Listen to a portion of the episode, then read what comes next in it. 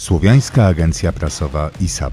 Zapraszamy na nasze podcasty, kanał YouTube oraz artykuły, recenzje i wydarzenia na www.isap.info.pl. ISAP. Rzetelne źródło słowiańskiej wiedzy.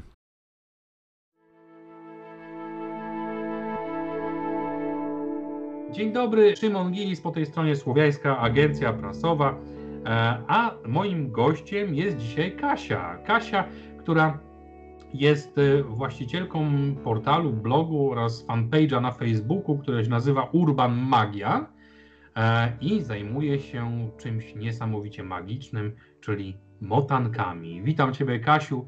Bardzo bym prosił Ciebie, jakbyś mogła się przedstawić. Witam serdecznie, nazywam się Kasia, na nazwisko Dorota, to zawsze wprowadza trochę zamieszania. I tak jak powiedziałeś, zajmuję się w tym momencie taką marką, projektem, który się nazywa Urban Magia. I w ramach tego zajmuję się właśnie motankami. Nie tylko tym, ale ogólnie jakby e, kulturą tradycyjną i w sumie Najbardziej co mnie interesuje, to e, taki temat związany z, z myśleniem magicznym, które jakoś tam też się bardzo fajnie tutaj łączy z motankami. A wcześniej jeszcze chciałaś mi spytać, poprosić o, o powiedzenie skąd jestem. jestem z Lublina, e, urodziłam się w Lublinie i od no, ponad 10 lat mieszkam w Krakowie. I to są takie dwa punkty dla mnie bardzo ważne, bardzo istotne. Mm, ale zawsze od tych 10 lat nadal jak ktoś mnie pyta e, skąd jestem, to odpowiadam, że z Lublina. Jakieś to ma dla mnie znaczenie, nawet duże, takie też i osobiste i takie zawodowe. Tam też skończyłam taki kierunek e, animacji kultury. I też tam e, zaczęłam się interesować generalnie taką kulturą żywą, że nie taką właśnie podręcznikową i, i taką można powiedzieć opisaną, tylko właśnie na animacji kultury myśmy pracowali z no, z takim po prostu człowiekiem w kulturze. I to mi naprawdę jakby tak siadło i z zawodowej strony, i takiej osobistej, bo też e, bardziej mnie interesuje właśnie to, w jaki sposób ludzie tworzą kulturę, w jaki sposób ona jest żywa i, i jak my ją możemy tworzyć. W międzyczasie też e, skończyłam inne kierunki, ale które tak pobieżnie się z tym e, łączyły, ale cały czas e, jako, no czuję się animatorem kultury i też e, artystką, bo od ponad 10 lat wytworzę swoje projekty artystyczne i edukacyjne. Też pracuję w, między innymi w Muzeum Etnograficznym w Krakowie jako edukator i tam no, od kilku lat, od e, chyba pięciu czy, czy sześciu lat w dziale edukacji pracuję, gdzie też właśnie zajmujemy się tym, w jaki sposób tą opisaną kulturę i te zjawiska kulturowe, które nas dotyczą, typu święta czy obrzędy, w jaki sposób stworzyć taką przestrzeń dla odbiorców, żeby mogli w niej uczestniczyć, a nie tylko o niej słyszeć. I to jest jakby taki mój papieryk lakmusowy. Ja się tym lubię zajmować, czyli takim ożywianiem tradycji, nie tylko czytaniem czy rozumieniem ich, ale jakby przerabianiem czy przepuszczaniem przez własne doświadczenie i patrzenie, co z tego może być użyte w naszym życiu codziennym. Też w międzyczasie, bo tak e, jestem takim trochę poszukującym duchem, pracowałam w takim polsko-ukraińsko-białoruskim projekcie dla młodych aktywistów i też często jeżdżąc właśnie na Ukrainę, na Białoruś, odkrywałam takie rzeczy, które zaczynały jakby dla mnie być takim, taką mapą y, tej przestrzeni, y, po której się poruszam, bo z jednej strony właśnie to jest muzeum etnograficzne i taka kultura y, powiedzmy opisana przez kustoszy i podawana nam jako fakty, a z drugiej strony właśnie na ta Białoruś i Ukraina dały mi takie doświadczenie no ciągle żywej i używanej kultury. Bo też tak szczerze powiedziawszy, jak też robiłam taki projekt, który był na pograniczu polsko-ukraińskim o hafcie, sprawdzaliśmy w jaki sposób, czy wzory haftu muszą mieć też wizę, żeby przekraczać granicę polsko-ukraińską na Podkarpaciu. I dla mnie to było niesamowite doświadczenie zobaczyć, jak żywa jest tam tradycja, jak żywe są te wzory, jak, jak wszystko tam jest takie połączone z codziennością. I, I właśnie to doświadczenie na Białorusi i na Ukrainie, jak wróciłam do Polski, to poczułam taką tęsknotę do tego Mam wrażenie, że troszeczkę inaczej już to jest w Polsce, że właśnie te. Zależy jak pewnie też jaka dziedzina sztuki czy kultury jest, ale mam wrażenie, że e, no troszkę jest u nas tak słabiej z tym. też ze śpiewem, bo też organizuję warsztaty śpiewu mm, od y, pięciu lat, y, gdzie zapraszam nauczycieli do tego, żeby przyjeżdżali do Krakowa różnych i też poprzez śpiew, poprzez właśnie rytuały próbuję jakby tak ożywiać tą tradycję, ale w taki sposób właśnie, właśnie takiego animatora kultury, czyli taką osobę, która zaprasza ludzi do doświadczenia, a nie prezentuje im. Wspominałaś tutaj o właśnie żywej kulturze. Ja tak troszeczkę odchodząc od tematu motanek, do którego za chwileczkę dojdziemy, jestem bardzo ciekaw Twojego zdania na temat współczesnych rodzimowierców, czyli ludzi, którzy w dalszym ciągu kultywują wiarę przodków, e, politeizm słowiański, mm, którzy no, według mnie e, jednak kultywują to tradycję, tradycję śpiewu obrzędowego, tradycję w ogóle obrzędowania, mm, jak za dawnych lat, e, czasów, bo lat to, to troszeczkę za mało, e, gdzie, gdzie składają ofiarę do świętego ognia i e, w dalszym ciągu e, biesiadują, tak jak nasi dziadowie to robili. E, co ty na to powiesz? Jak ci się to podoba albo nie? Tak jakby bardzo bezpośredniego kontaktu nie mam z tym ruchem. Jakby wiem, że on jest, jakby czytam o nim, mam jakiś kontakt poprzez znajomych. To, co z jednej strony jest dla mnie zabawne, a z drugiej strony właśnie takie ciekawe bardzo, to to, że w Muzeum Etnograficznym no najczęściej mieliśmy, mm, pracowaliśmy z tym, co jakby jest aktualnie, czyli bardzo często na przykład na tapetę braliśmy święta, tak, wielkanocne, bożonarodzeniowe, bo to głównie pracowałam, ja pracuję z dorosłymi, jeżeli chodzi o śpiew, a z edukacyjnymi warsztatami z dzieciakami.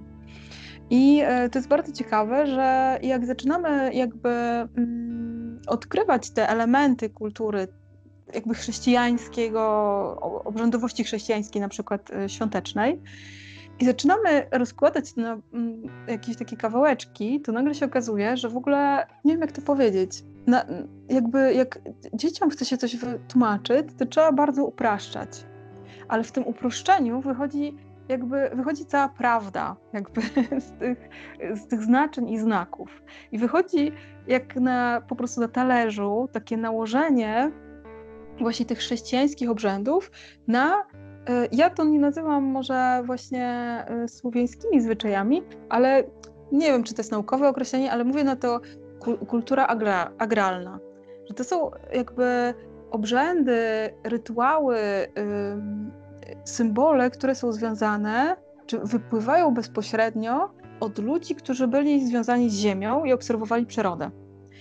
I to jest niesamowite, że my też mamy tam mm, dział eduk- y, kultury pozaeuropejskiej i bardzo podobne jakby wątki się pojawiają w różnych kulturach, w różnych częściach w ogóle świata, właśnie związane z żywiołami, związane z obserwacją przyrody, że musi coś umrzeć najpierw, żeby się odrodzić, tak? Że, że po prostu to jest jakby dla mnie niesamowite, że, że jeszcze jest bardzo wiele ludzi, dla których to jest nieoczywiste, że to jest tak połączone, że jakby nie da się oddzielić obrzędów, no tam właśnie słowiańskich czy, czy wcześniejszych, od tych obrzędów, które mamy teraz. Jakby nie da się tego rozdzielić. Po prostu nawet no, też nie chcę się tak powoływać na muzeum, bo na pewno tam kustosze, którzy są wykształceni, są w stanie to jakoś oddzielić, ale nawet jak y, tworzona była strona Muzeum Etnograficznego, to magia obrzędowa nie dała się rozdzielić jednoznacznie od, od tych rytuałów, powiedzmy, takich chrześcijańskich. Po prostu to jest tak zrośnięte, to jest tak E, zwulkanizowane, że dla mnie to jest jedność, nie? jedno całość. Przejdźmy do y, głównego wątku naszej rozmowy, czyli y, o motankach. Może zacznijmy od tego, czym w ogóle są motanki, żeby można było wytłumaczyć jak pięcioletniemu dziecku, co to jest. Właśnie y, jak 10 lat temu pojechałam na Białoruś, to te, te, to słowo motanka się nie pojawiło, tylko się pojawiło lalka, ale też teraz jakby używam tego słowa, ponieważ motanki to są ogólnie rzecz biorąc lalki, które się nie szyje, tylko się mota, czyli jakby za, zawiązuje bez używania narzędzi. I to można bardzo ogólnie powiedzieć o takim no te, bo, bo, też to jest zwyczaj jakby e, takich osób, które, czy kultur, które raczej wiejskich. To nie jest tam dworski zwyczaj, tylko to raczej jest e, kultura e, taka wiejska. I e, tam po prostu igły, no, o maszynach nie wspominając, ale igły były bardzo czymś takim no, cennym i drogocennym, więc też się ich nie używało. Więc z jednej strony może właśnie to, to był powód, dla którego się motało, a z drugiej strony jest to po prostu łatwiejsze, że nie trzeba żadnego narzędzia do tego. I bardziej o motankach e, jest, e, e, bardziej używana ta nazwa jest na Ukrainie. I te ukraińskie motanki są, różnią się od tych, które, o, o których y, ja będę opowiadać i który, które ja robię, ale jakby można, nie? Na początku tam jakby oponowałam przed wrzucaniem tego wszystkiego w jeden worek, ale wydaje mi się, że to jest właśnie, to są lalki generalnie robione w celach magicznych, ochronnych lub symbolicznych, tak bardzo ogólnie mówiąc. Ja tutaj dodam coś chyba od siebie, co mam nadzieję, że pomoże w rozumowaniu e, tego, czym jest emotanka. E, w dawnych czasach przy ważnych e, obrzędach słowiańskich, tych agrarnych, Mm, starano się w dniach świątecznych nie zawiązywać różnego rodzaju supełków e, i tak dalej, żeby na przykład duszy zmarłego człowieka, który przychodzi na wieczerze, e, nie e, zatrzymać na tym świecie, więc możliwe, że przy tworzeniu takiej motanki nie zawiązywano, żeby właśnie albo tego zmarłego nie przywiązać, albo na przykład złe myśli nie przywiązywać do jakiegoś przedmiotu. Jak dawno, jak długo w jakich czasach można było powiedzieć już, że tworzono te motanki? Jak daleko wstecz sięga pamięć o tworzeniu właśnie takich lalek, w których się zamawiało różnego rodzaju rzeczy? No ja myślę, że tak szczerze powiedziawszy to, że lalkarstwo w ogóle, czyli tworzenie postaci człowieka jest tak stare jak nasza cywilizacja i że to, to jest bardzo, bardzo stary zwyczaj.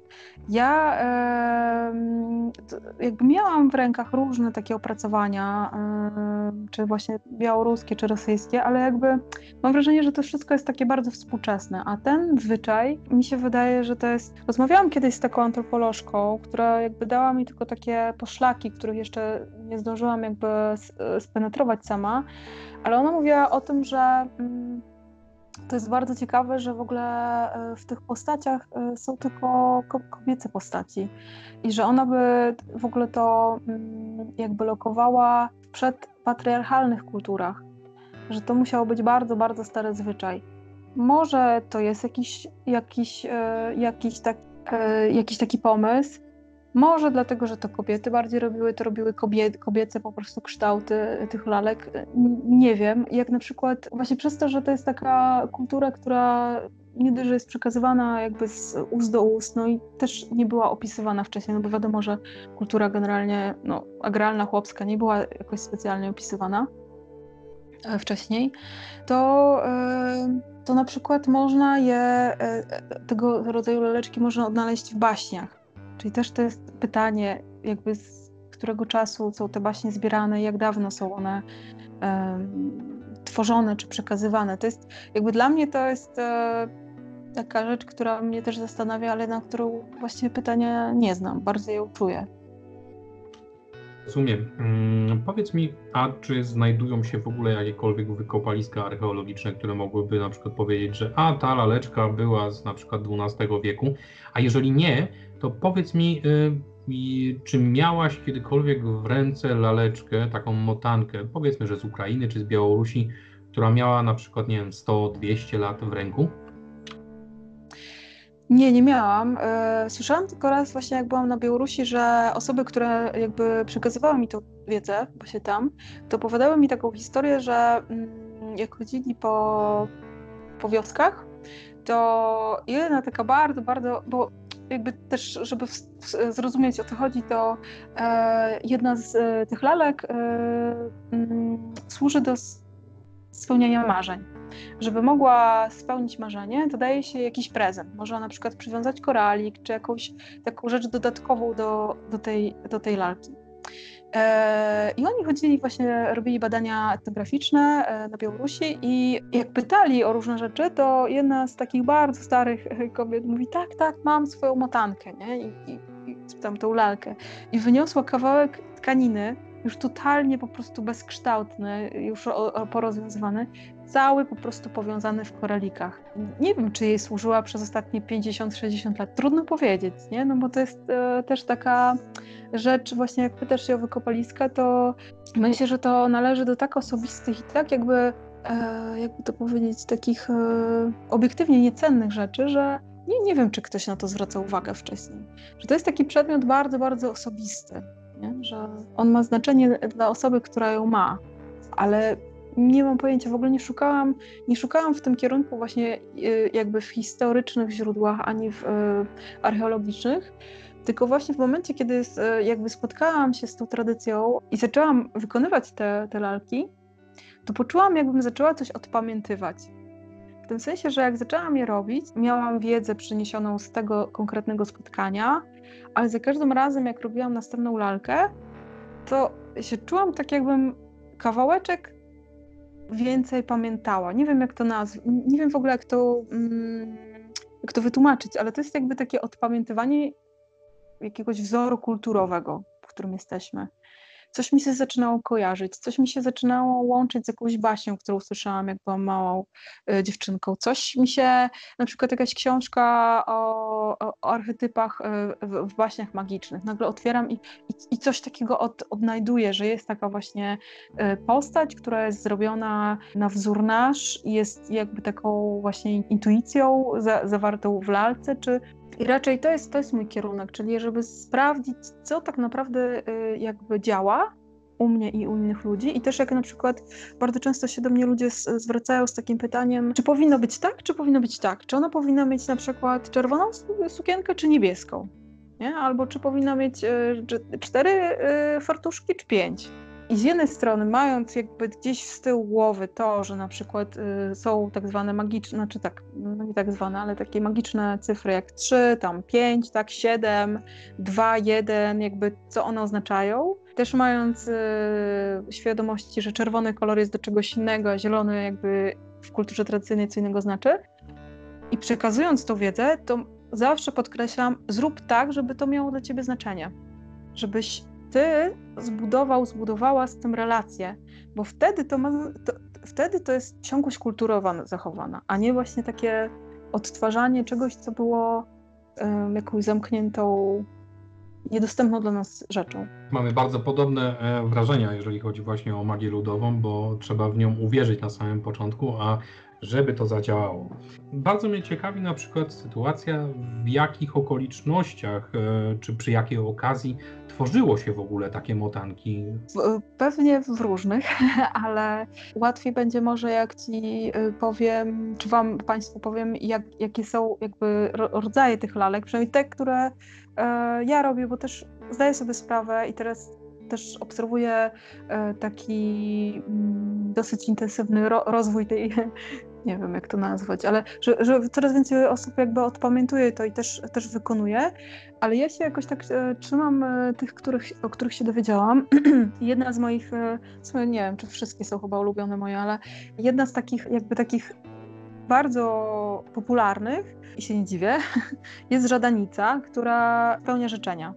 I tą lalkę jakby można robić właściwie w każdym momencie życia, w każdej takiej sytuacji, w której znaczy tak, żeby właśnie to uwierzyć w tą, yy, w tą magię i żeby żadanica mogła zadziałać, to moim zdaniem potrzebne są jakby trzy elementy, które są jakby takim też stru strukturą czy takim podziałem e, w rytuałach, które ja dla siebie teraz też e, czytając o rytuałach od, odkryłam, że są takie trzy elementy, typu, e, znaczy zaczynając od pierwszego, że jest albo jakaś niezgoda na rzeczywistość, która teraz jest, albo jakaś potrzeba niezrealizowana, jakieś marzenie, albo jakiegoś rodzaju dyskomfort. Drugi element to jest decyzja, że chce się to zmienić.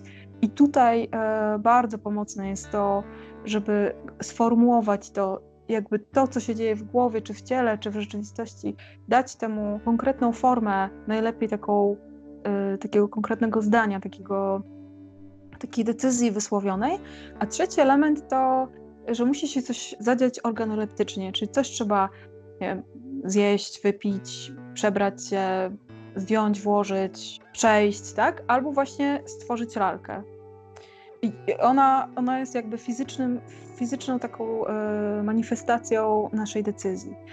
I właściwie to nie musi być lalka, to może być cokolwiek innego, czemu nadamy sens. Ktoś nam go jakby przekaże, albo sami odkryjemy, bo to równie dobrze może być obraz, może być, może być jakaś inna rzecz, nie? No, jakby biorąc na warsztat pierwszy, pierwszy z brzegu ważny obrzęd to jest na przykład wesele, e, ślub, tak? Że jest jakaś decyzja o zmianie, że chcemy coś zmienić, bo nie chcemy, żeby było tak, jak jest, czyli decydujemy się wziąć ślub, załóżmy, jest ta decyzja e, w słowie, czyli wypowiadana jakaś formuła, czy, czy, czy słowo wypowiadane, no i najczęściej albo wkładamy obrączkę, albo, albo wkładamy, zdejmujemy coś, tak? To jest jakby taka, takie dopełnienie całego rytuału. I z radanicą też tak jest, że jak ona jest albo zrobiona przez nas, albo przez kogoś, to takim ostatecznym, jakby taką mm, decyzją jest danie jej prezentu. I to, co wcześniej mówiłam o tej, e, o tej starszej kobiecie, która wyciągnęła tą szmatkę z koralikami, taka żadanica musi dostać od nas jakąś, jakiś prezent. Może to być przywiązany koralik, może to być coś zawiązanego, może to być jakaś ozdoba dodatkowa i wtedy prosimy ją o spełnienie tego konkretnego życzenia. I to nie może być życzenie ogólne, typu chcę być szczęśliwa albo chcę, żeby wszystko było dobrze, bo to, to nie jest żaden poziom szczegółowości, który może się wydarzyć. Nie, jak to się wydarzy, to my tego nawet nie zauważymy. Żadenicę najczęściej fajnie jest wykonać wtedy, kiedy jest jakiś taki moment na to, typu, że właśnie wiemy, że czegoś pragniemy, ta, ta decyzja w nas e, jakby tak nabiera dojrzałości. E, ja bardzo często robię na przykład wnów takie żadanice, bo dla mnie nów to jest taki moment takiego zasiewania intencji na cały miesiąc. I to jest na przykład dla mnie taki fajny moment. Bardzo lubię robić na nowy rok, ale ten jakby też e, przesileniowy, czyli w, w, grudniu, tak, że wtedy, kiedy jakby słońce się pojawia i znowu wchodzimy w ten krąg przyrody, który rusza, ale też ten taki styczniowy nowy rok, tak? Kiedy wszyscy po prostu kupują karnety na siłownię i zmieniają swoje życie. Urodziny są na przykład dla mnie takim momentem, w którym też czuję, że zaczynam coś nowego, ale też na przykład no, no wiosna jest takim momentem takiego, takiej decyzji, że coś rusza, coś czemuś chce dać swoją uwagę, pójść do przodu z tym. Mm, taka motanka, z czego ona w ogóle jest robiona? Bo też ważne, żeby, żeby to chyba były jakieś odpowiednie materiały, tak chociażby mi się wydaje. Tradycyjnie, bo tak, za, zawsze jak ktoś mnie właśnie pyta, jak to powinno być, to mam przynajmniej dwie odpowiedzi. Jedna taka magiczna, druga praktyczna.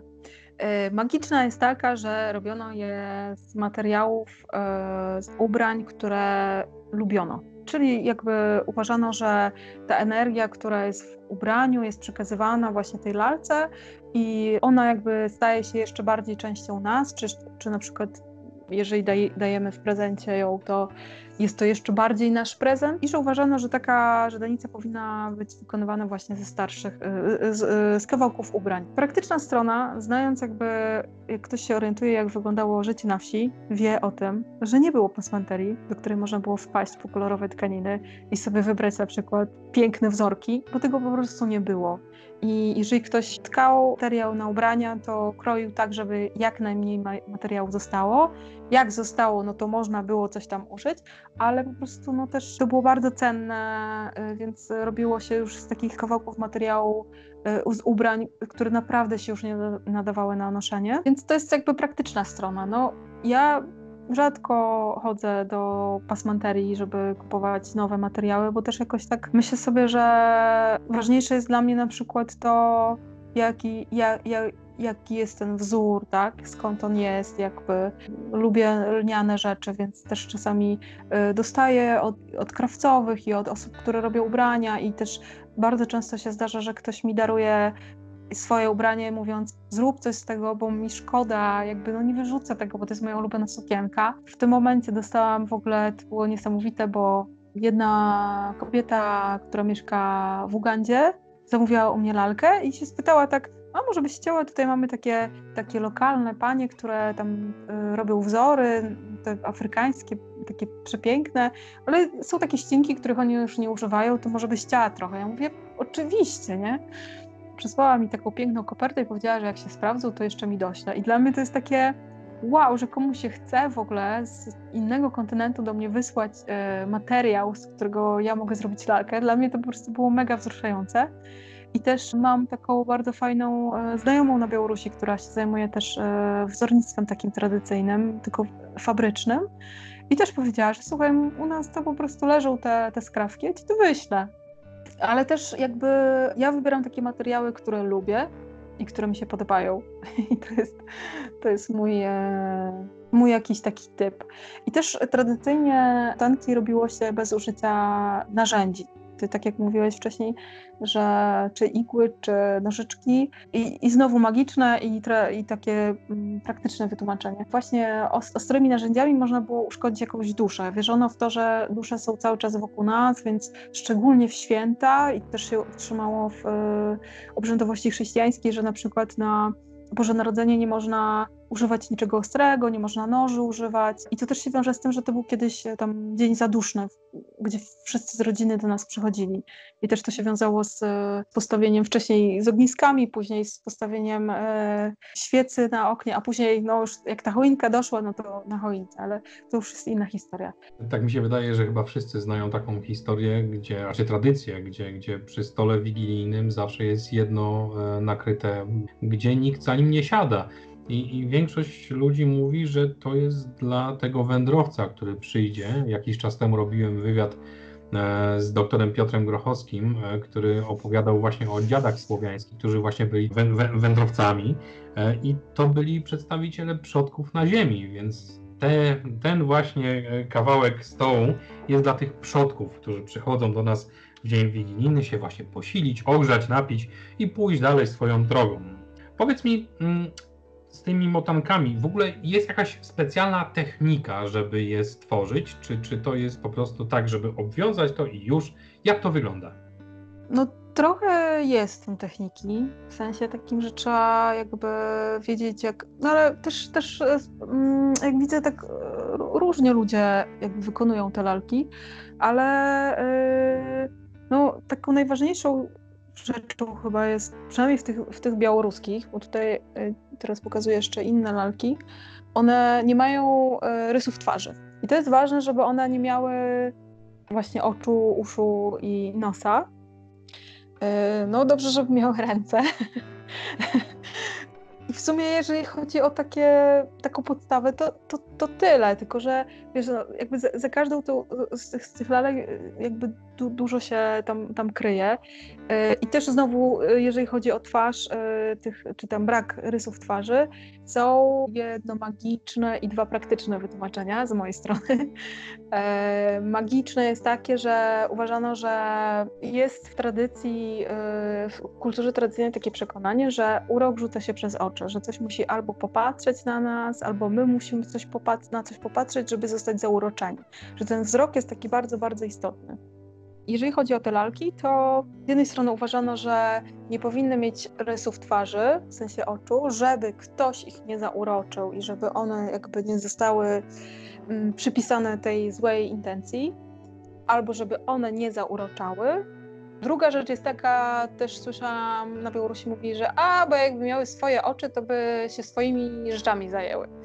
A jeżeli chodzi o praktyczne strony, to po pierwsze, jeżeli bierzemy pod uwagę, że to jest bardzo, bardzo stara tradycja, to musimy sobie przypomnieć, że y, farbki i kredki to jest kwestia ostatnich, nie wiem, 80 lat, a na wsi to może 50, może mniej, 40, więc nikt nie był w stanie zrobić ładnie y, rysów twarzy. E, jeżeli chodzi o guziki, to tym bardziej, bo guziki były po prostu no, no, czymś mega, mega cennym i no, jeżeli chodzi o ubrania, to się robiło tak, żeby ich nie trzeba było guzikować, więc też te guziki w ogóle to jest kwestia, no nie wiem, ostatniej może 20-30 lat, więc no, ta tradycja jest na pewno starsza. No natomiast na Ukrainie y, te lalki, one mają takie specyficzne krzyże y, z, y, z, kolorowych nitek i one mają, ja akurat nie za bardzo je jakoś czuję, to, chociaż na Ukrainę częściej jeździłam, ale jakoś nie mogłam znaleźć połączenia z tamtymi motankami i też tak jakoś specjalnie ich nie robię, ale one mają e, na twarzy takie e, paseczki e, w, w górę i w dół. Nie wiem, może, może, może widziałeś, bo one są częściej jakby pokazywane i częściej używane.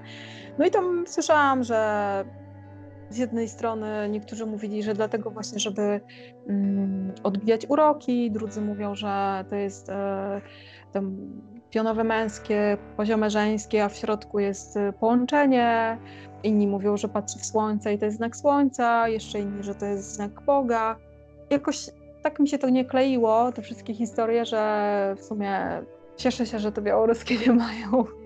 zauważyłem, że, że one no, są czymś wypełnione i to mnie też ciekawi, bo z tego, co się dowiedziałem gdzieś tam pokątnie po różnych stronach internetowych, że jest taka laleczka, taka motanka, która się nazywa ziarnuszka?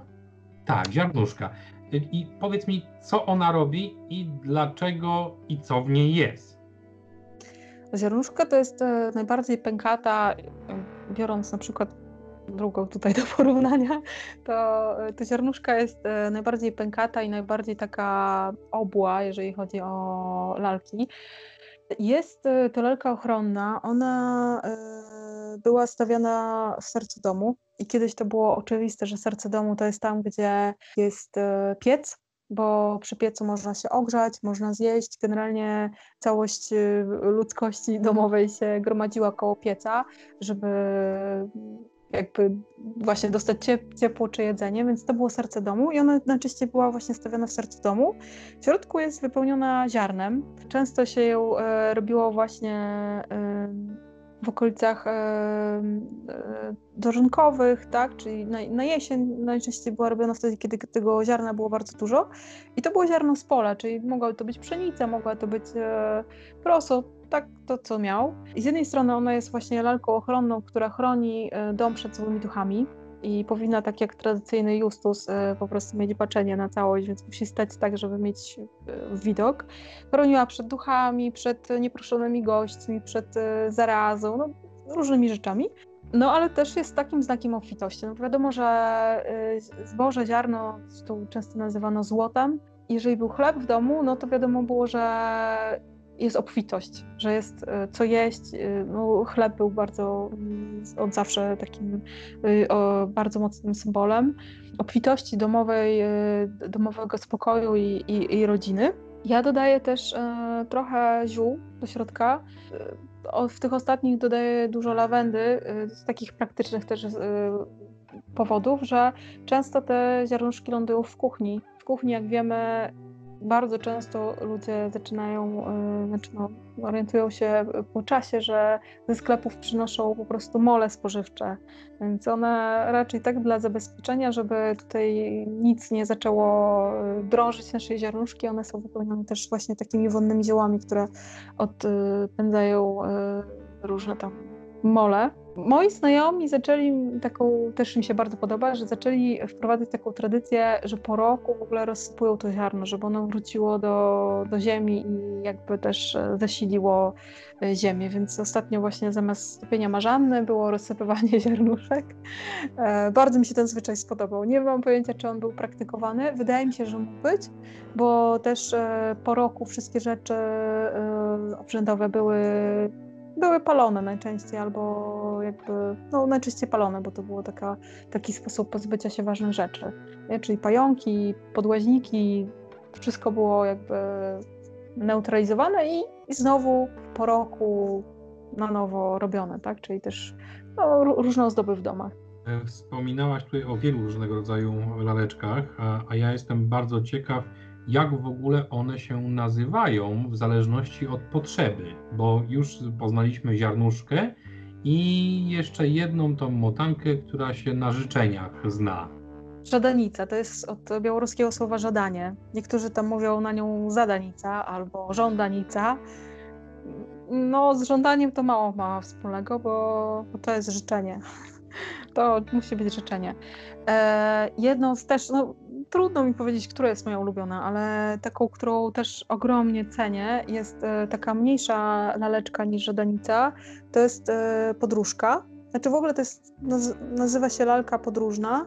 Ja ją nazwałam jakby podróżka, co jest takim białoruskim, e, ukraińskim bardzo fajnym słowem, bo podrócha po ukraińsku to jest taka przyjaciółka, ale niekoniecznie to musi być taka przyjaciółka, która o nas wszystko wie i w ogóle tam jest, jest powierniczką naszego życia, ale to jest taka mm, osoba, z którą nam po drodze. Więc czasami ta podróżka, czy ta podrucha, czy podruch się pojawia w naszym życiu i jakby część drogi z nami przebywa, bo nam wspólnie po drodze. I to nie musi być koniecznie osoba, która o nas wszystko wie. Czasami z przyjaciółmi nam po drodze, a z podróżką po drodze, ale nie przyjaźnimy się. I to jest takie rozróżnienie, bo, y, bo podróżka to jest y, właśnie lalka dla wędrowców i początkowo, jak ja usłyszałam o niej, to ja zrozumiałam, aha, no to jest lalka dla ludzi, którzy podróżują. Y, no to jest jakby takie też zrozumiałe, że kiedyś po prostu trzeba było się ochronić w podróży, bo były niebezpieczne. Rzadko się też e, zdarzało, żeby ktoś miał jakieś zdjęcia, tak? Więc można było taką podróżkę dać, żeby, żeby pamięć e, tej osoby, która została, była jakaś tam odświeżana. Ja ze swoją podróżką zdałam prawo jazdy za pierwszym razem w Krakowie, więc e, cały czas ze mną jeździ i nie miałam wypadku, więc jakby wierzę, że na pewno jest lalką ochronną. Ale w międzyczasie też w takiej książce, którą większość pewnie zna, Biegnąca z wilkami, czytałam o e, taką historię Mądrej Wasylisy i to jest baśń e, rosyjska i nagle skojarzyłam, że właśnie to jest ta podróżka, to jest lalka intuicji, to jest lalka, która jakby wspiera nas e, w, jakimś, w jakiejś e, drodze do czegoś ważnego. I w momencie, kiedy to skojarzyłam fakty i jakby poczułam, że tak, to jest właśnie to, że to jest lalka intuicji, lalka głosu wewnętrznego i lalka taka, która mm, pomaga nam jakby w trzymaniu się intencji. I, I tutaj czasami ludzie y, zadają mi pytanie, jakby czym w takim razie różni się taka żadanica od spełnienia marzeń od podróżki. I moim ulubionym ostatnio y, porównaniem jest to, że jak mamy na przykład, y, robimy remont w domu albo budujemy nowy dom, to mamy takich dwóch pomocników, możemy mieć takich dwóch pomocników. Jednego to jest architekt wnętrz, czy jakiś tam dekorator, a drugi to jest monter. Monter to jest taka żadanica. Ona przychodzi i pyta się, no to gdzie panu ten kran przy, przyczepić? Tu czy tu? Nie? Jakby konkret. To ona nie jest od wizji. Ona jest od konkretu. Ja chcę mieć tutaj złoty, srebrny, diamentowy kran. Proszę mi tutaj przyczepić. Nie pasuje? No to wzywamy drugą żadanicę, mówimy, proszę przestawić tu, będzie lepiej. A podróżka to jest taka bardzo cierpliwa wnętrzarka, która wie, czego chcemy, wie, jaką mamy wizję tego życia naszego, czy na, naszej tej jakby jakości w życiu. I ona nam po prostu towarzyszy w tym i cały czas nas tak jakby trochę ściąga, tak jak trochę odejdziemy od tej naszej wizji, czyli na przykład jeżeli wy, wybierzemy sobie, że naszą intencją w życiu jest e, miłość, tak? Jakaś taka ogólna miłość. I jeżeli podejmiemy taką decyzję, i sobie jeszcze postawimy tą podróżkę tak, żeby ona sobie przy nas siedziała i nam przypominała, to podejmując jakieś ważne decyzje w życiu, ona na nas patrzy i się z siebie pytamy, czy my to robimy z miłością? Czy my, czy my odnajdujemy w tej decyzji miłość? Czy to jest jakiś w ogóle z pozycji lęku? Albo jeżeli na przykład wybierzemy sobie e, w życiu taki, czy na jakiś etap w życiu mm, intencję samorozwoju, że dla mnie w tym momencie najważniejszy jest mój rozwój, albo w tym momencie, na ten etap życia, najważniejsza jest dla mnie rodzina, albo kariera, tak? To ona nam pomaga jakby utrzymać ważność na tym, co jest dla nas w tym momencie ważne. Więc ona nam towarzyszy w jakimś takim, w naszej wizji świata, wybranej przez nas, bo to też jest bardzo ważne, żeby sobie to powiedzieć, żeby to nie było takie, a, żeby było wszystko dobrze, żebym się czuł fajnie, tak? To jest taki konkret. Miałaś, no wspaniała tradycja. Bardzo mi się ona podoba i, i naprawdę przepełniona jest ona niesamowitą taką e, pasją, ciepłem i magią. To jest najpiękniejsze chyba z tego wszystkiego. E, ja bym chciał w tej chwili troszeczkę ludzi pozapraszać do Twojego profilu i w sumie to Twoimi ustami bym chciał to zrobić, żeby ludzie dowiedzieli się, gdzie można takie laleczki zakupić e, oraz z jakimi intencjami najlepiej byłoby się do Ciebie zwrócić o taką laleczkę. Zapraszam na Instagram i na Facebooka, na Urban Magię. E, jest teraz w przebudowie takiej mocnej, właśnie też związanej z kwarantanną, bo w końcu siedzę nad nią. Moja strona też, która ma e, adres Urban Magia i tam e, próbuję to wszystko uporządkować, bo zrobił się chaos.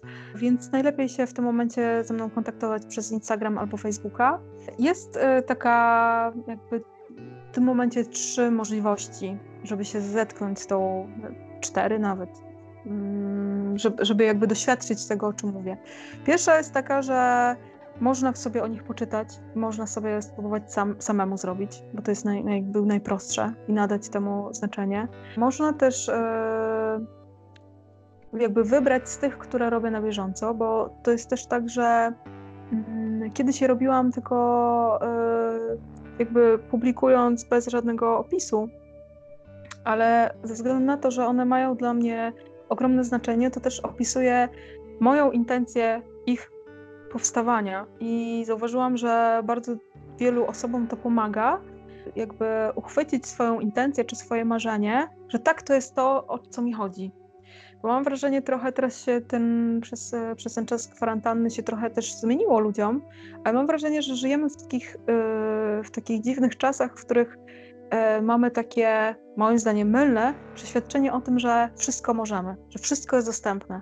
Ten ogrom potencjału i tych możliwości powoduje, że my jesteśmy tak otwarci, że się aż zamykamy i unieruchamiamy się w niemożliwości podjęcia decyzji.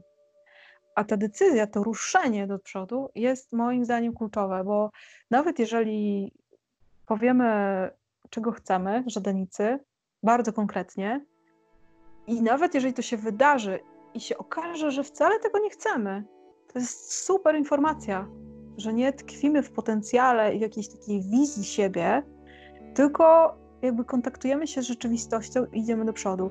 Bo y, często dostaję takie też informacje, nie? Że, że ktoś albo nie precyzyjnie nazwał czegoś i to przyszło i ktoś się przestraszył, na przykład, że Jezu, to się dzieje i co ja mam teraz z tym robić, albo nie jesteśmy na to gotowi, albo nie jesteśmy gotowi na taką e, najprostszą rzecz na świecie, że jeżeli coś przychodzi, to coś musi odejść, żeby jakby nie, też, no jesteśmy też w takiej kulturze zanurzeni takiego ciągłego, ciągłej obfitości, ciągłego brania, tylko że w końcu nam się kiedyś skończy to miejsce, tak? I szybko się kończy, więc te lalki, znaczy przynajmniej dla mnie, bo ja to odnajduję w nich, że one zadają nam bardzo ważne pytania, typu ok, chcesz, żeby coś się spełniło, ale jak chcesz temu dać miejsce?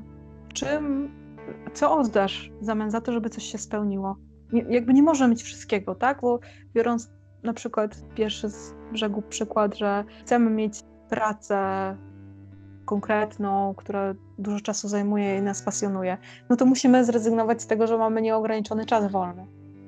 Chcemy wejść w związek, no to rezygnujemy z niezależności. No, mam wrażenie, że o tym zapominamy czasami i chcemy cały czas więcej, więcej, więcej, więcej, więcej i nam się to przytyka. Więc no one też e, moim zdaniem jakby kontaktują nas z tym takim takim, takim balansem, nie? To jest po ukraińsku dacha bracha, nie? Danie branie, że po prostu dawanie i, y, i oddawanie, że to jest taka równowaga, którą trzeba zachować. Równowagę mam nadzieję będą dawały wszystkim. Ja Tobie bardzo dziękuję za fantastyczną rozmowę. Ja mam nadzieję także, że wielu ludzi zainteresuje się tematem, szczególnie właśnie jeżeli chodzi o tą równowagę w życiu, bo jednak jest to bardzo ważne, żeby przez te życie przejść szczęśliwym, po prostu z uśmiechem na twarzy a pod sam koniec swojego życia powiedzieć sobie niczego nie żałowałem. Moim gościem była Katarzyna Dorota z Urban Magia. Ja się nazywam Szymon Gilis, Słowiańska Agencja Prasowa. Dziękuję bardzo.